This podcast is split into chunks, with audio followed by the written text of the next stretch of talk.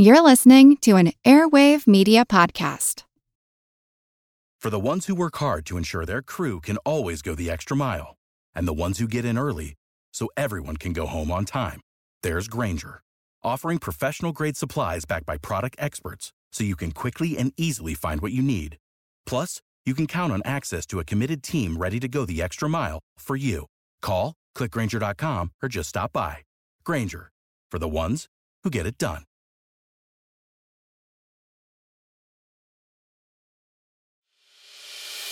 As a longtime foreign correspondent, I've worked in lots of places, but nowhere as important to the world as China. I'm Jane Perlez, former Beijing bureau chief for the New York Times. Join me on my new podcast, Face Off US versus China, where I'll take you behind the scenes in the tumultuous US China relationship. Find Face Off wherever you get your podcasts. This is Kick Ass News. I'm Ben Mathis. When we think about time and productivity, we usually think about doing. But meditation company MNDFL is trying to shift the focus to being.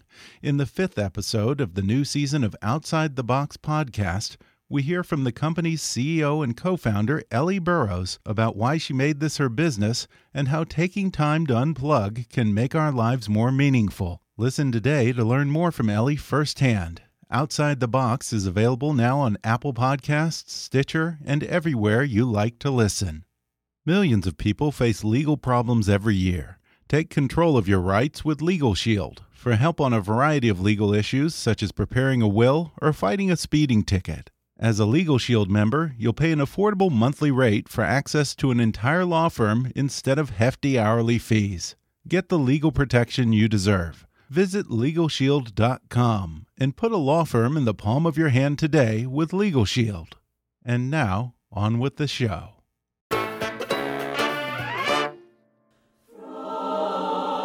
I wonder if you could help me. I was trying to find the house that Elvis Presley lived in. Ain't had no house over here. You remember the great Chuck D line? Elvis was a hero the most, but he never meant to me. Straight up racist, that sucker was simple and plain. Mother him and John Wayne. You ain't nothing but a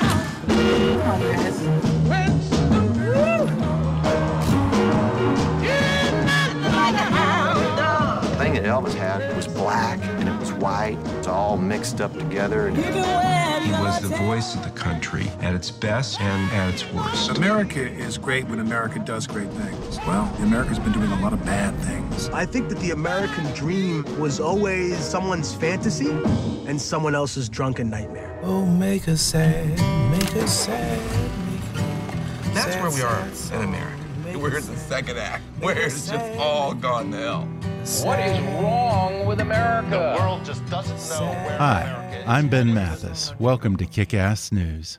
That was a clip from The King, a new documentary by Emmy and Peabody Award winning filmmaker Eugene Jarecki, who crisscrossed the U.S. in Elvis Presley's 1963 Rolls Royce Phantom 4, talking to everyday folks, Elvis's friends, and celebrities from music, movies, and politics about the king of rock and roll and how his life serves as a metaphor for the best and perhaps worst of the American dream. And today he comes on the podcast to trace Elvis's journey from his birth in a Mississippi backwater that would be a ghost town today if it weren't for Elvis tourism, to the musical melting pot of Memphis, where some say Presley culturally appropriated black music, and ultimately to Las Vegas and the sweaty jumpsuit Elvis, who became more of a brand than a man. He says Elvis joined the military as James Dean and came back as John Wayne, and discusses his longtime manager, Colonel Tom Parker, and the corrupting power of celebrity. Eugene reveals how he acquired Elvis's Rolls Royce, how it became a beacon for people on both sides of the political divide, and served as a conversation starter for a larger discussion about the promise of America, the sins of the past, and where our country is headed today plus the perils of driving and directing and road tripping in a 55 year old Rolls. Coming up with documentary filmmaker Eugene Jarecki in just a moment.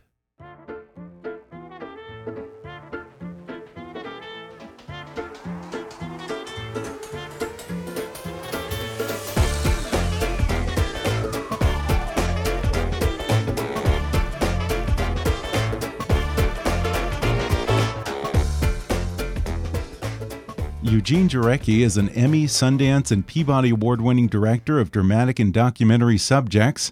And in his latest film, he takes audiences for a cross country road trip in Elvis Presley's 1963 Rolls Royce to talk with well known figures and everyday Americans about Elvis's life and how it might serve as a cautionary tale about the American dream and the excess of the age we're living in today. The film is titled The King, and it opens in theaters Friday, June 22nd in New York and June 29th in LA. Eugene, thanks for coming on the podcast. Thanks for having me. Well, I, I can't say that I'm a, a, an Elvis nut who like knows all the details of his life and the trivia and all that, but I always like the music, so I really enjoyed the film your thesis is that Elvis is uh, sort of a metaphor for America. Briefly walk us through that to start.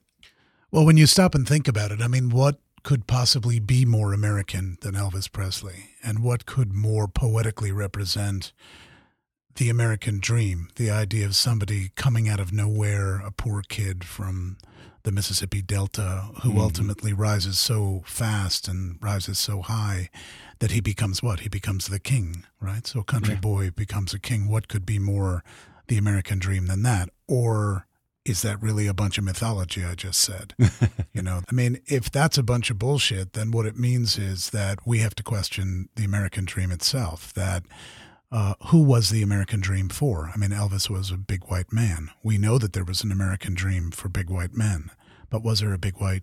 Was there an American dream for anybody but big white men? And of course, that's where Elvis then becomes an ever more complicated part of what it means to be America. And I'm not just there to be critical of him, it has almost nothing to do with him. He's a symbol. And we invested a great deal in that symbol, but we're now at a time, Me Too, Black Lives Matter, Time's Up, so many ways that we're rethinking all that we thought this country was about. And that's a beautiful thing that we're rethinking. And it's time to do that with Elvis, too. Is there some significance in the fact that you chose as the vehicle for this film Elvis's 1963 Rolls Royce, which I guess it's really it's a symbol of his decline and the Elvis of excess. This is not the young, uncorrupted Elvis. Sure, it's youth. not a it's not a Thunderbird or a Cadillac. Yeah. you know, I didn't take a nostalgia machine across the country and try to demonstrate that the American dream, like we all thought of it, is alive and well. And you know, mom and pop Cleaver are still living on Main Street and the white picket fence. Instead, I'm looking past the white picket fence at what's mm-hmm. really going on in the soul of the country. And to do that from Elvis's Rolls Royce is to look out the windows of a car that represents the incredible cognitive dissonance that we live with as Americans every mm-hmm. day and that Elvis represents. That we are a democ- de- democracy that broke off from the King of England to avoid ever having kings and queens and all that oppression. And we find ourselves today, look at how many Americans watch the royal wedding. Look at how we put our celebrities yeah. on absurd pedestals. Yeah. Look at how many of them we call king, prince, one thing or another. Mike Myers is in the film, and at one point he actually says something. I mean, he says many funny things, but one of the funniest things he says in the movie, he says, is he could never understand why this country, he's from Canada, why this country loves kings and queens so much if the whole point was that we broke off. he says, you got the king of beers, you got Muffler King, Elvis, the king of, of uh, the king of the world. He, then he turns to me and he says, and I never understood why Bruce Springsteen was called the boss. I mean, don't we hate the boss?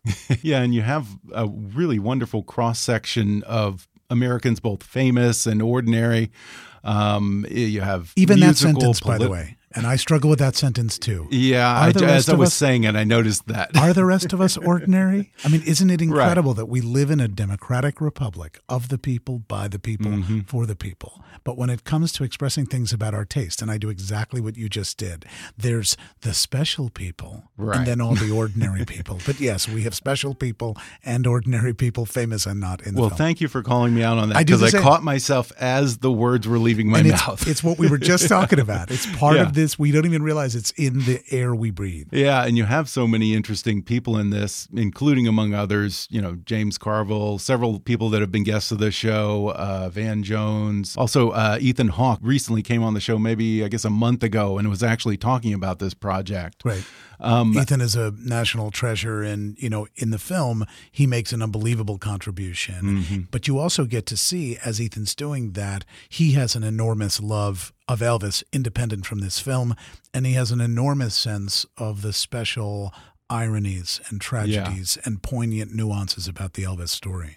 Uh, I mean, Elvis is just almost universal, whether you're from the North or the South, Heartland or the coastal cities, Trump or Hillary supporters, everyone loves Elvis. And everywhere that you go in this Rolls Royce, it just seems to draw people to it. For your purposes as a filmmaker, I think it makes for a wonderful conversation starter. It does. I mean, we had people, I was driving through New Mexico one day, and um, actually, we were in a town called Las Vegas.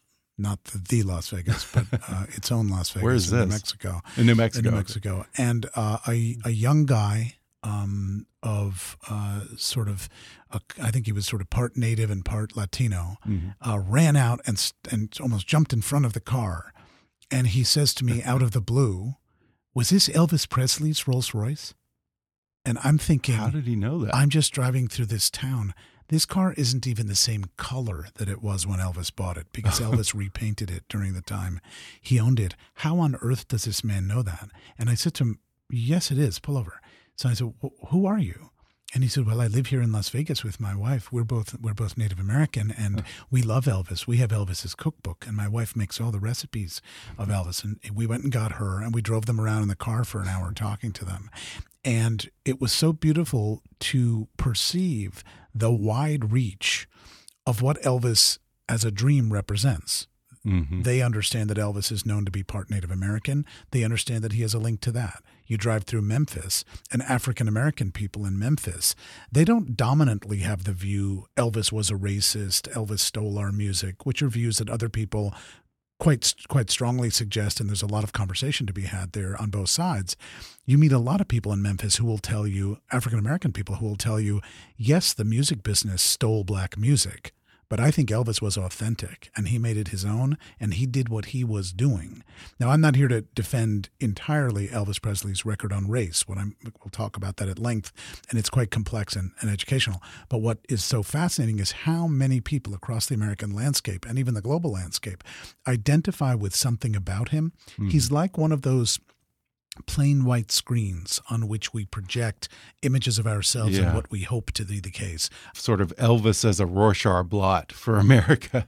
Um, and if you look at social media and the talking heads on television these days, it doesn't seem that either side of the political spectrum is capable of holding a productive conversation anymore.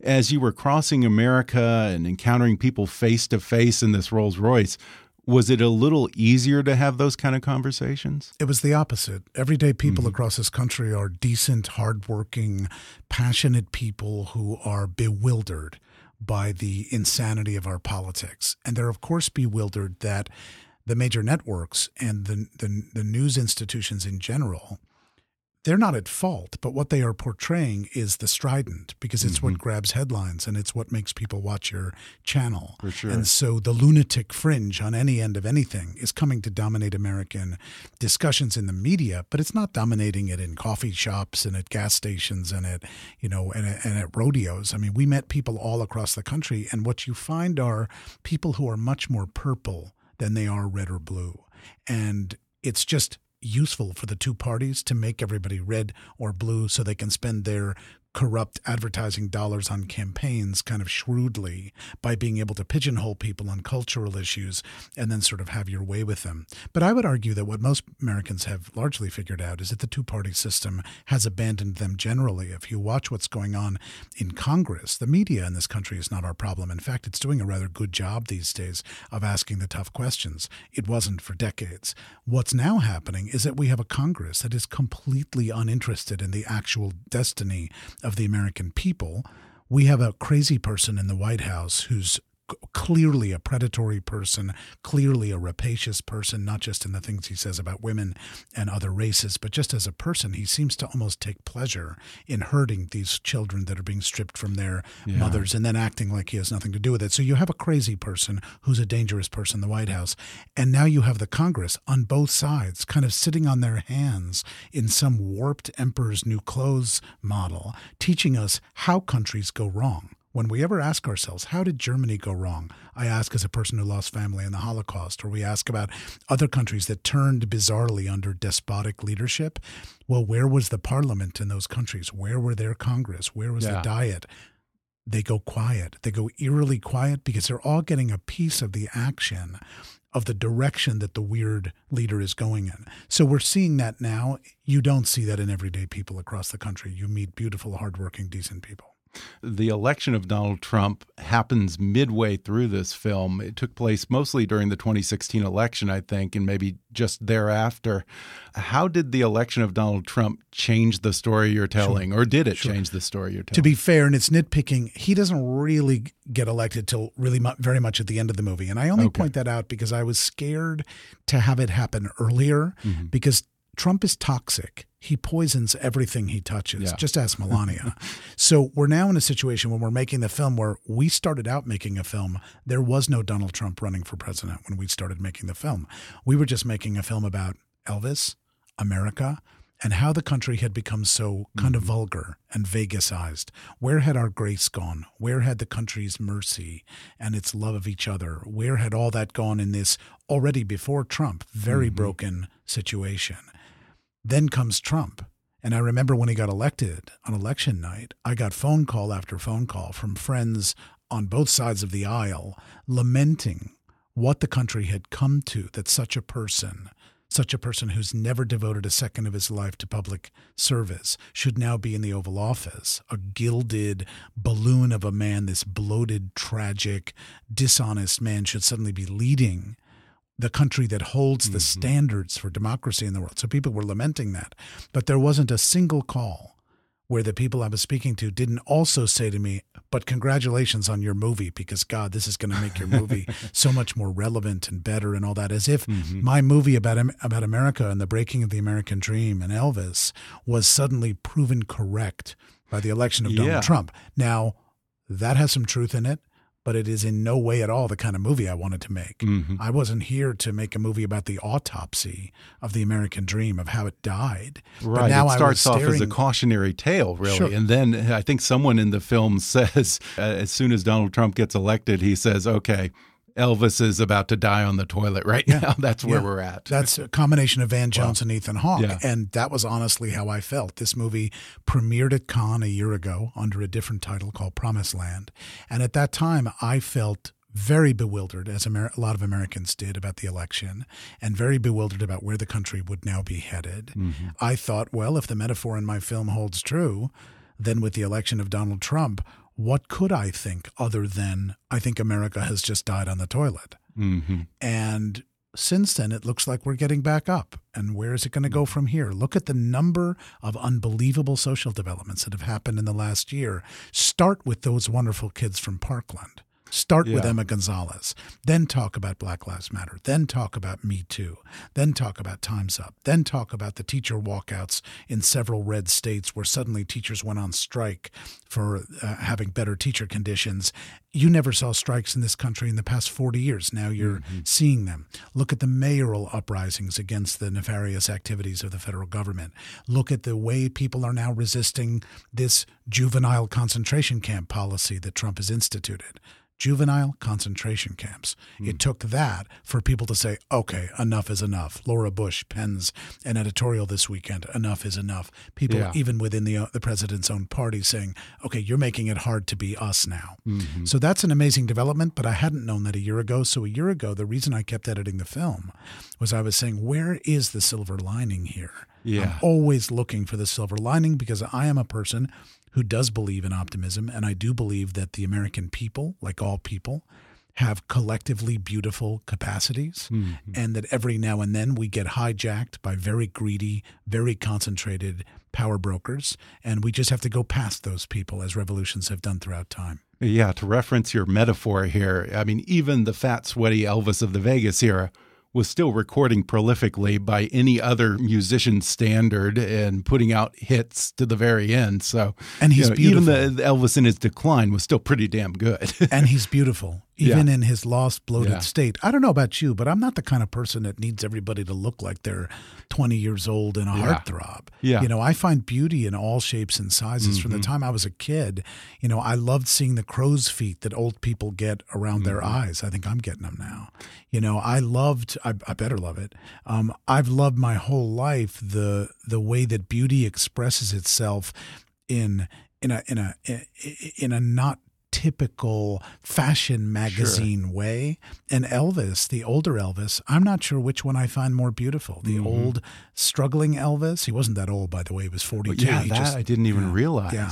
So the 42 year old Elvis before he dies, that Elvis, sweating, bloated, on drugs. It's not that I want those things for him, but I at all, but I understand the humanity of them, mm-hmm. and I don't need him to look like a veneered heartthrob who's never seen a harsh moment in his life. I think it's fascinating to watch him. What I had wished would have happened was that he had friends around him who could have gotten through the thick, thick yeah. armature of capitalism that was encasing him and said to him, listen, man, you've got to mm-hmm. do something here. We've got to get, we've got to reach you and get you out of this. But it doesn't make me think he's not beautiful in those golden last performances. I mean, he sings Unchained Melody. It's one of the most beautiful performances oh, yeah. in, in music history. Well, it's similar to Frank Sinatra in that he didn't really become Frank Sinatra till he hit 40 or 50, even though he had been a pop star when he was 20 something years old. And there is a lot of soulfulness to the later songs in Elvis's career. Yes. Now, you mentioned that you talked to a number of his personal friends in high high school, former girlfriend, uh, people who worked in studio with him, like Jerry Schilling, uh, his housekeeper, who actually discovered him passed out on yes. the toilet. Yes. Talk a little about the Elvis that they knew. Well, I had wonderful conversations with Jerry Schilling in the making of the film. He is a real treasure of a person, and and his loyalty to Elvis is so inspiring, mm. um, and his understanding of him. Jerry met Elvis when he was uh, quite a bit younger than Elvis and, and very much looked up to him. But I think as time has gone on, you know, Jerry is now, Jerry looks like he's 50, but he's, you know, he's yeah. one of the youngest, most like together looking people you've ever seen. but Jerry's had a real life and he's lived, he's been the manager of the Beach Boys. He's done a lot with his life um, and looks back on his time with Elvis like an older person who understands life a lot better. Mm-hmm. Um, and so he's not just starry eyed about it, he understands the magic of this person that this person was one of history's most significant people, um, but also that, you know, inside a bubble of such an amount of success, who among us could possibly be prepared mm. for what faced Elvis Presley? Um, you know, uh, every friend we talked to about Elvis and every person who loved him, they all knew that there was a hurricane that hit and who's prepared for a hurricane, mm. who really battens down all the hatches and knows which ones won't come flying open, and who among us could have said no to any of the seductions that faced Elvis. You know, Linda Thompson talks about in the film how, you know, being Elvis's girlfriend, I mean, she was aware that this was Elvis Presley, that this person had people making themselves available to him romantically every five seconds. She says at one point in the interview to me, every time he took a breath, there was some there, someone there saying, I want to be with you. Yeah. And how does anyone withstand the warping impact that that kind of power can have on your soul? Mm-hmm. And I think by that measure, Elvis did pretty damn well. This is a person who seemed incredibly decent to the end, kind. Yeah. You don't hear a harsh word from him. What you see is, an, is a very beautiful person trapped in a situation way beyond their control, like the American people who mm-hmm. I believe are beautiful, and we have found ourselves in a position of power, success, and then excess, way beyond our prediction or control. And I don't think we were ready to batten down the hatches in the right way. And so the hurricane is upon us. Mm-hmm. And you've never seen it more vividly than in the age of Trump, but it was there before. Yeah, it's interesting to contrast how Elvis versus Trump handled having all this money and Donald all this Trump, power I mean, this, and so many yes men. Listen, I, mean, I, don't want to waste a minute without saying this. Donald right, Trump right. is the opposite of Elvis Presley. Yeah. He is a representative of everything in the world that destroyed Elvis Presley. So before anyone thinks that because I'm having to make an Elvis Presley movie in the age of Donald Trump, I think there's a connection between them. Mm -hmm. I think Donald Trump is a monstrous human being, and I think Elvis Presley is a beautiful human being. Right. And Elvis lost his way by no fault. Well, here's an interesting well, thing. he that, was seduced, whereas Donald Trump seduced. sought it out from right. day one. And the American people risk these seductions. Jerry Schilling said something incredibly smart to me one day. We were talking about the movie and, and what I was hoping to do. And I, I told him about how I saw Colonel Parker as a kind of a symbol toward Elvis of the same way that capitalism treats the American people and our mm. hopes for democracy. That the colonel was banging the drum of money, money, money, power, power, power so hard that he ends up burying Elvis in all this power and money mm-hmm. and gone is Elvis's authenticity, his chances to have real self expression, dignified self expression. Same with capitalism. And Jerry said to me, I totally understand what you're saying about how big business is hurting America. I get that. But what you're saying about Elvis, you have to be a bit more careful. And I said, why? He said, because Elvis loved the colonel like a father. He even wrote it to him in a letter. He said, and he loved what the colonel did for him and was doing for him. Elvis wanted all that success, wanted all that power. He loved being Elvis Presley and he knew how huge that was. And he said, and I'm not telling you that to make Elvis less of a good guy, but he's not entirely a victim. He was a big boy mm-hmm. and he made choices, and we all make choices. Yeah. And this is what I mean by Jerry bringing the benefit of his life experience to this what he was telling me is also about the American people that yes, we may be somewhat victims, as Elvis was somewhat a victim of circumstances beyond his control, but we also all have choices we have mm-hmm. to make. And when we're faced with those seductions, the choices we make are instrumental. I'm so grateful to Jerry for pointing that out because yeah. it lets me understand Elvis with even more compassion than I already had. And it makes me translate that compassion to the American people to say, listen, we're suffering here. A lot is happening to us, but tomorrow is ours. We're going to take a quick break, and then I'll be back with more with documentary filmmaker Eugene Jarecki in just a moment.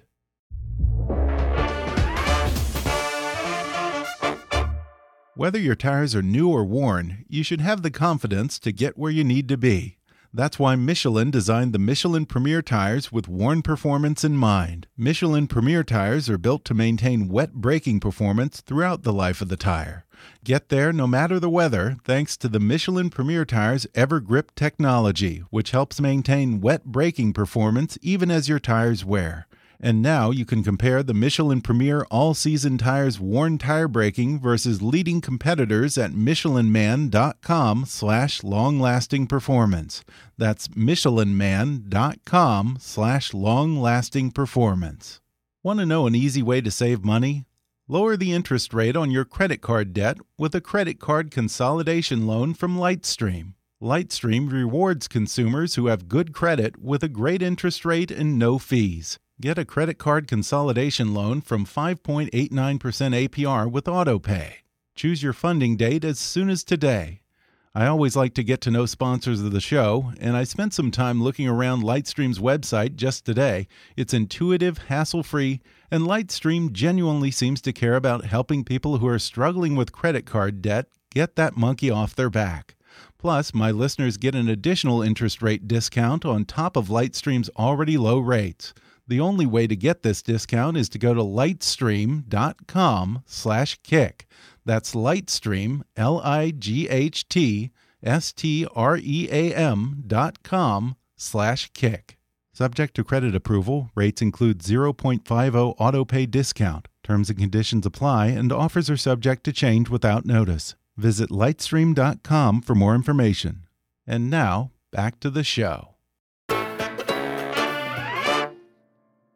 To some extent, even the colonel has become something of a caricature of himself. Yeah. There's probably a certain degree of exaggeration, even in the way that he's portrayed. Sure. Although certainly he took advantage of Elvis. And, sure. We had to be careful with that because so yeah. many people we talked to put it all at the colonel's feet. And if I hadn't right. spoken to Jerry about this, I probably would have let that happen because mm -hmm. he's mm-hmm. such an easy go-to villain. I mean, Peter Guralnick. Yeah Elvis's biographer at one point in the film, he says the colonel. He says uh, this guy wasn't even an American citizen. He was, uh, yeah. you know, he wasn't even his real name. He wasn't a colonel. You start to get this almost like foreigner. He's a foreigner, like uh-huh. a foreigner witch okay, hunt, right? and that's not right either. Yeah. Like we're all yeah. foreigners. This mm-hmm. is a mm-hmm. country of immigrants. So that's not the point. The point is not whether Colonel Parker was an immigrant. The point is not whether they used an assumed name. Uh, it, a lot of people use assumed names in this right. society. That's not the problem. The problem is that the colonel came to represent a, a, a stop at nothing winner take all form of managing an artist. Mm-hmm. And we've seen that same thing now happen to Michael Jackson. We've seen it happen to other artists who get run ragged by the system. And what's what it first compromises their authenticity and ultimately it can compromise their health, their mental health, and their life. Mm-hmm. I have to ask about the Rolls Royce. How did you come to acquire Elvis's 1963 Rolls? Royce was it a Phantom or? Uh, it's a it's a Phantom Five. Phantom Five. Um, we were in the middle of making the film, and there was no car in the film. Oh, we were huh. making a film about this metaphoric connection between Elvis and America. Okay.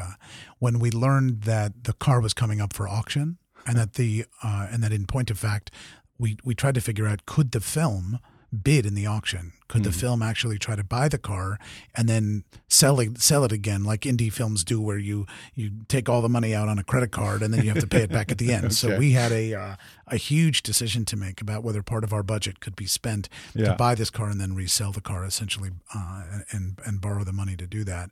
We did that, and I'm I'm I. If you'd asked me two months ago, I would have told you I'm still terrified about this gamble, um, but I can happily announce that um, we have indeed uh, found a buyer for the car. Okay. Um, and the final resting place of the car after this film is an extremely poetic outcome. It won't be announced until the end of the month, Okay. but it's an extremely poetic outcome. Um, couldn't be a more fitting outcome for how this car should um, have carried along its life. Yeah, and the Rolls Royce serves as something of a recording studio on wheels for you. How, how did you have to retrofit the car for your purposes as a director? Well, I'd love to say we did that really brilliantly. We retrofitted the car a lot for the filming. The car, Okay. by the end time we were done, it looked like one of those Google vehicles that's filming the whole Yeah. country. We had Yeah. cameras coming out of every window, every door, hanging on every spare piece of surface area because we filmed at times with six or seven cameras at one time in the car when musicians are playing we want to capture music video level images of them performing in Elvis's car those those music videos are about to all be released by the way so there's Right. a whole bunch of music videos from M Ward and John Hiatt and Nikki Bluhm and the Yeah. Gramblers and EmiSunshine and How about a, range soundtrack? Is there going to be a soundtrack? We're working on that at the moment, and those music videos are kind of the first warning shot of Mhm. that. Immortal Technique, the rapper, Yeah. has an unbelievable video that'll be coming out this week, actually. Yeah. So all of that, um, all of that, that was great from the question of how to film it. Mm. Recording it, we did a vast number of microphones and a lot of carefulness, but I have to tell you that the very nature of the velvet interior of that car and the heavy metal and the, the Mhm. baffling, it made the car a beautiful recording space. Because it's also a little Huh. bit of an old car, so there's a little Right. bit of wind whistling through there too. Yeah. when you hear these recordings, you really feel that you Mhm. are there, and that's what we most wanted. And a lot of the recordings that are in the film, they're not taken where we're like parked in some quiet, shady glen. They're taken on Highway road, 80, yeah. and somebody is playing in the back seat, and we're trying to keep the car from falling apart while they're finishing their tune. I mean, I don't know if there's a law against driving and directing, but it seems to me that that'd be a recipe for an accident. If there is, You- I'm, you I'm guilty as charged. Okay. The number of not only did I don't know if you're allowed to say this on the air, but not Go only did I break whatever laws involved driving the car in that fashion, but Yeah. you know I'm driving. There's a traffic light. And I've got musicians performing in the back seat, and I'm coming toward the light. I'm going to burn that yellow Yeah. because if I don't burn that yellow, I'm going to stop. Yeah. The people are going to start to honk. It's Mhm. going to be a bad situation in the intersection where I have Yeah. to take the take again. So sometimes the people in the back seat, I can see while they're playing, they're thinking, "What is this lunatic doing? Where are we? dri- Where are we going with this?" Well, yeah, and a cross country road trip is a lot of miles to be putting on a 1963 Rolls. How many times did it break down? About uh, about twenty times. Just don't tell the people who are buying Yeah, it. yeah. This isn't going out anywhere. This interview is it? No, nobody no, will no, no. this. This is- All yeah. Good. Well, between you and family me, and it's a- friends. The thing's a total junk heap. I wouldn't go near it with a ten foot pole. Your journey follows Elvis's footsteps chronologically, starting with Tupelo, Mississippi. I, did, I didn't even realize that. I, I thought he was born in Memphis. Um, It's a small town whose whole livelihood seems to revolve around Elvis tourism. From the people that you talk to, they'd all be out of a job. They couldn't find anywhere to work if it weren't for Elvis tourism. Yeah, to a person, that's what they told us. There Mhm. wasn't a person we met in Tupelo, Mississippi, Okay. who didn't, in one way or another, allude to the small cottage industry of Elvis having been from there as the only thing still standing Mhm. in Tupelo. Why? Because it's a ravaged small town, like all the other small towns in America that have had the country turn their back on them Yeah. while we prayed to the gods of Amazon, Google, ExxonMobil, and the rest of the corporate world that have so damaged American democracy and so damaged the American dream. Tupelo's just one of those spots along the road.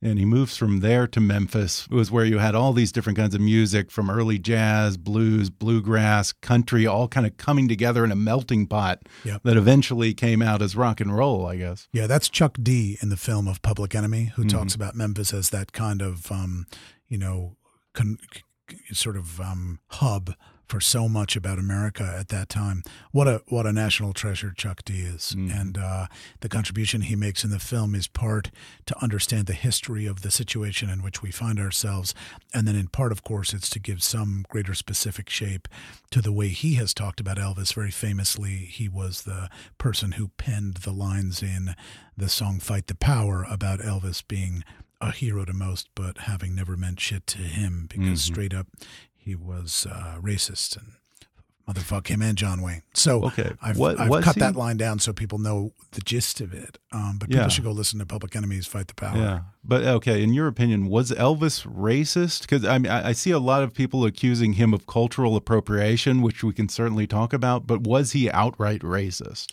Well, Chuck D is, I think, the best voice in the film and the best voice I've heard on this Mm-hmm. subject. Um, himself, having lived long enough to understand how complex life is. Mm-hmm. There's no question that I don't think Chuck D takes back anything he ever said about Elvis in Fight the Power, nor should he. It's beautifully put and and very powerful, and does represent the view of Black America very in a very widespread way Mm-hmm.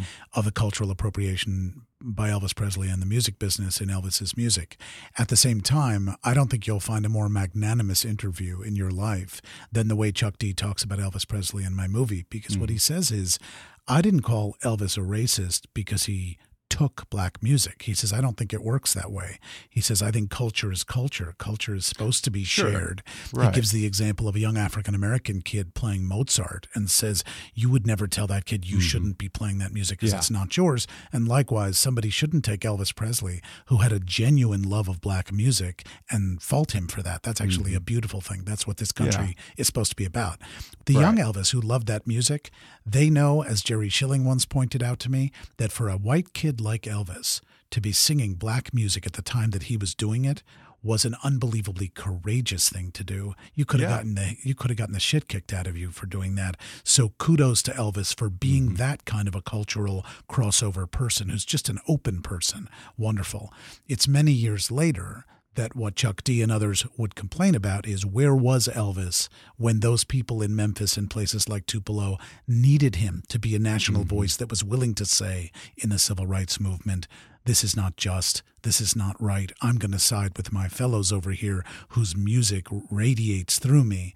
And they feel that Elvis, who was already moving toward the white sequined Elvis of Hollywood and Vegas, whatever, they feel like Elvis didn't really lift a finger in those days to do what one would have hoped he would do given the sensitivities one ascribes to him at that time. Well, yeah, and especially when you contrast Elvis, who was the biggest celebrity in the country, with other stars like Marlon Brando, who was speaking out on civil rights and marching with Dr. King, or later Muhammad Ali took the risk and spoke out against Vietnam and risked his career to do that. It would Um, be it would be Elvis played it safe. Yeah, it would be unfair to people like Muhammad Ali who traded the height of his career as a boxer to express his protest about injustice. It would be unfair to him to not notice the difference when any other celebrity of significant power does not do the same. Yeah. And it doesn't mean that you're supposed to say Elvis Presley is then a bad guy for not having do it, done it. Chuck D, for example, pointed out to me that by then Elvis was already taking drugs. He was already a hmm. kind of a lost soul. And I, in a moment of amazing magnanimity, Chuck looked at me and said, Listen, those drugs can make anybody an asshole. He said, So while I'm critical of Elvis for this chapter that we're talking about, I don't know what he was going through. And I don't want someone to judge me for what they don't know I'm going through. So, again, this isn't a personal thing about Elvis. It's how do we calibrate our understanding of the American dream largely for big white men? Mm-hmm. And if we're going to change that now, Elvis is a wonderful messenger about how tragic it can be when a beautiful soul like him gets to a degree influenced by the system and becomes less than what we wanted him to be. And that only happens because the system seduces, the system pays a top dollar, the system encourage us to, encourages us to turn our back on our fellow man. And I think we're starting to learn that that doesn't work. This is not a totalitarian country. You don't express patriotism by going along to get along. What happened to the days when Americans took pride in being the people who stood up to injustice, who hmm. stood up to Hitler, who stood up to McCarthy, who stood up to oppression? That's the whole point of being here. So if that stopped being, somebody's got to send me a memo and get me a ticket somewhere else. But for now, this is what we're doing.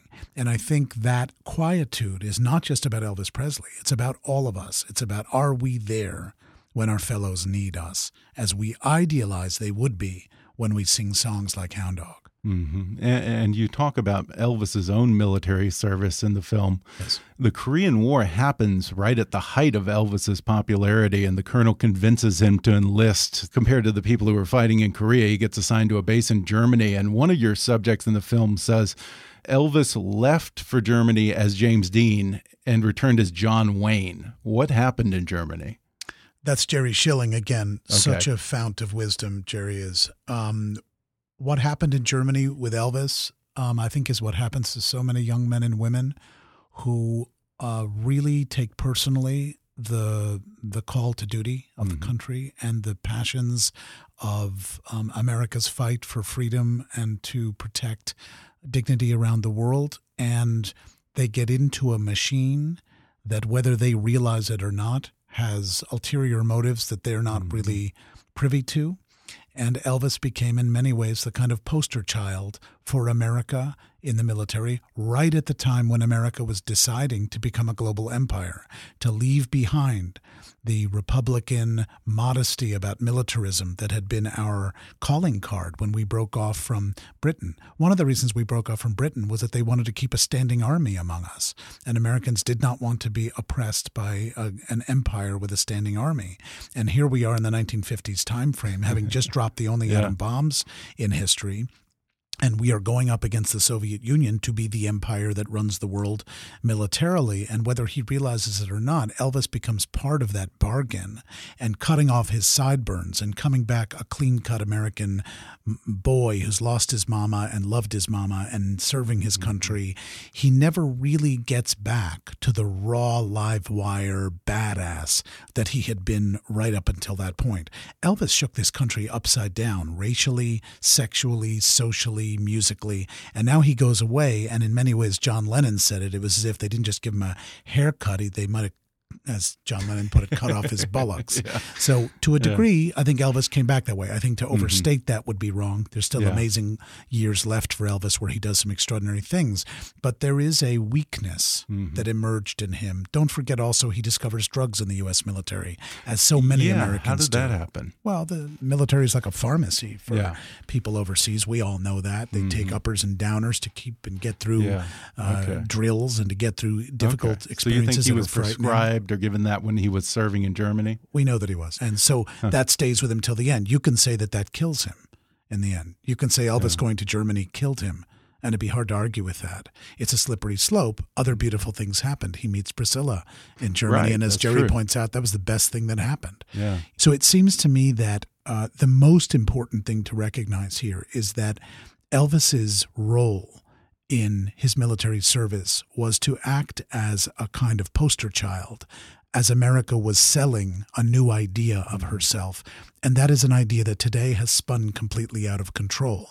People who were worried about this country becoming a global empire in the 1950s and saw Elvis as like the hood ornament of that.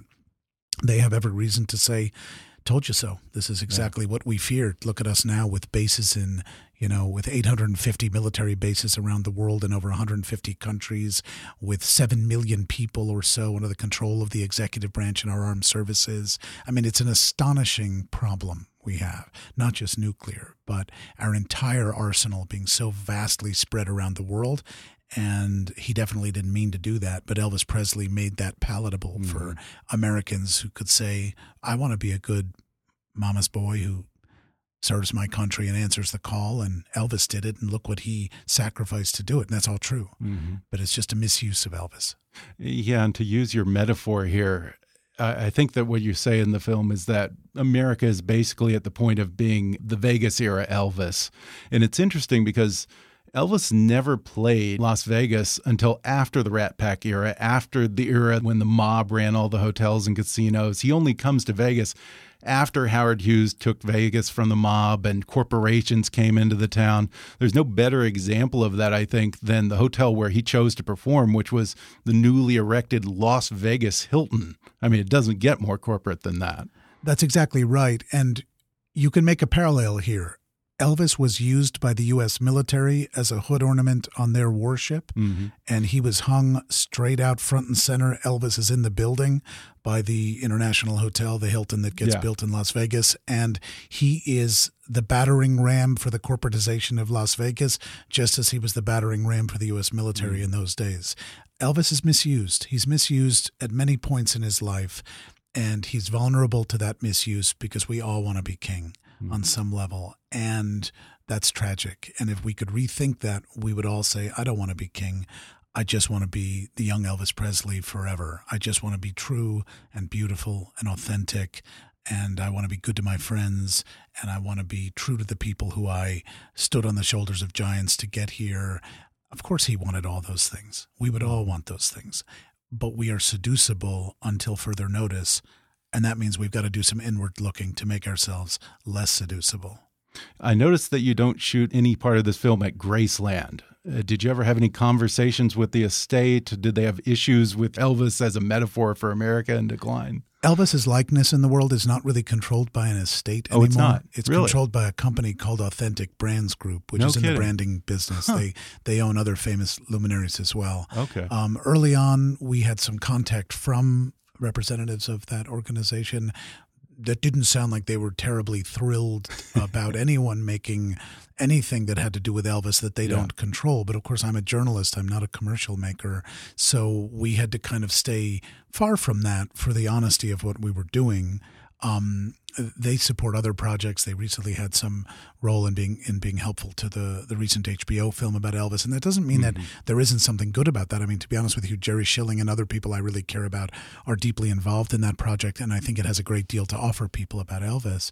Um, but I have to be able to be free, since I'm really making a movie about America, um, to to incorporate Elvis in that story Yeah. in the most dignified and in the most honest way, but I can't really be interacting with a branding company. And Graceland, in many ways, felt like the the the it's sort of the epicenter of the modern branding of Elvis.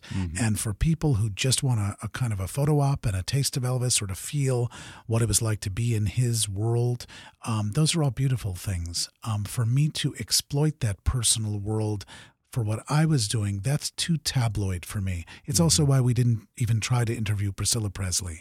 This is not a movie about the underside of Elvis's life. I don't like those kind of things, and I don't really want to get into the private matters of public people that we can all never know anything about. What I'm talking about is the public Elvis and the public America mm-hmm. and how they speak to each other and how desperately important it is that we understand ourselves through the lens of Elvis.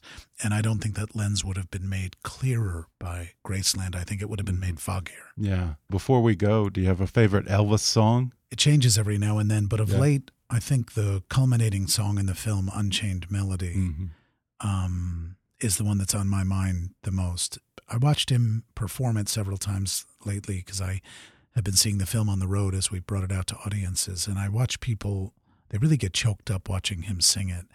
He had studied uh, his voice operatically, he had developed his voice remarkably. Um, the passion that he has in the song is overwhelming.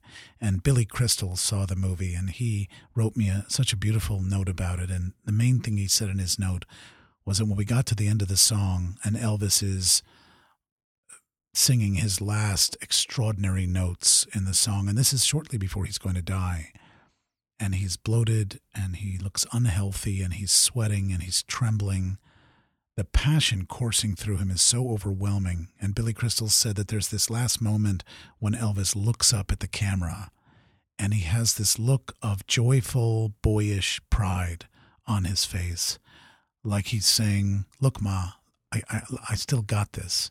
Hmm. and Elvis, not only do you still have it at that moment, you never had it more than at that moment. It's a crowning moment in his life. And I look in his eyes, and Billy Crystal said this it's like there you see the whole hopes of the American people, the resilience of the American people, no matter how lost, no matter how beaten, no matter how confused. They're human beings and they have a, an undying flame for dignity in themselves. And that's in that song. And I, I really encourage people to see it. I hope people come and see the movie when it opens here in LA and across the country. It opens on the 29th of June here in LA um, at the Nuart. And I'd love to have people come and see the movie. But that moment in particular is where I think they'll understand my feelings for it all most clearly. Beautifully said. Well, again, The King opens here in LA on the 29th and in New York on Friday, June 22nd. Eugene Jarecki, thanks for talking with me. Thanks for having me. Thanks again to Eugene Jarecki for coming on the podcast. The King opens in theaters in New York Friday, June 22nd, and in LA Friday, June 29th.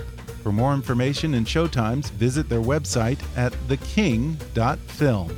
Whether your tires are new or worn, you should have the confidence to get where you need to be. That's why Michelin designed the Michelin Premier tires with worn performance in mind. Michelin Premier tires are built to maintain wet braking performance throughout the life of the tire. Get there no matter the weather thanks to the Michelin Premier Tires EverGrip technology, which helps maintain wet braking performance even as your tires wear. And now you can compare the Michelin Premier All Season Tires worn tire braking versus leading competitors at michelinman.com slash long-lasting performance. That's michelinman.com slash long-lasting performance. If you haven't already, be sure to subscribe to Kickass News on iTunes and leave us a review. You can follow us on Facebook or on Twitter at, at KickassNewsPod.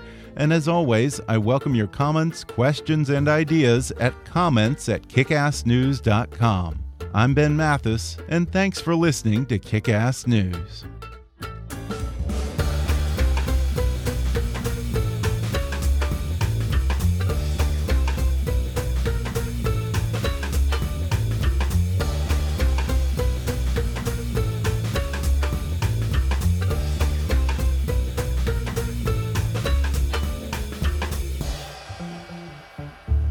Kickass News is a trademark of Mathis Entertainment, Inc.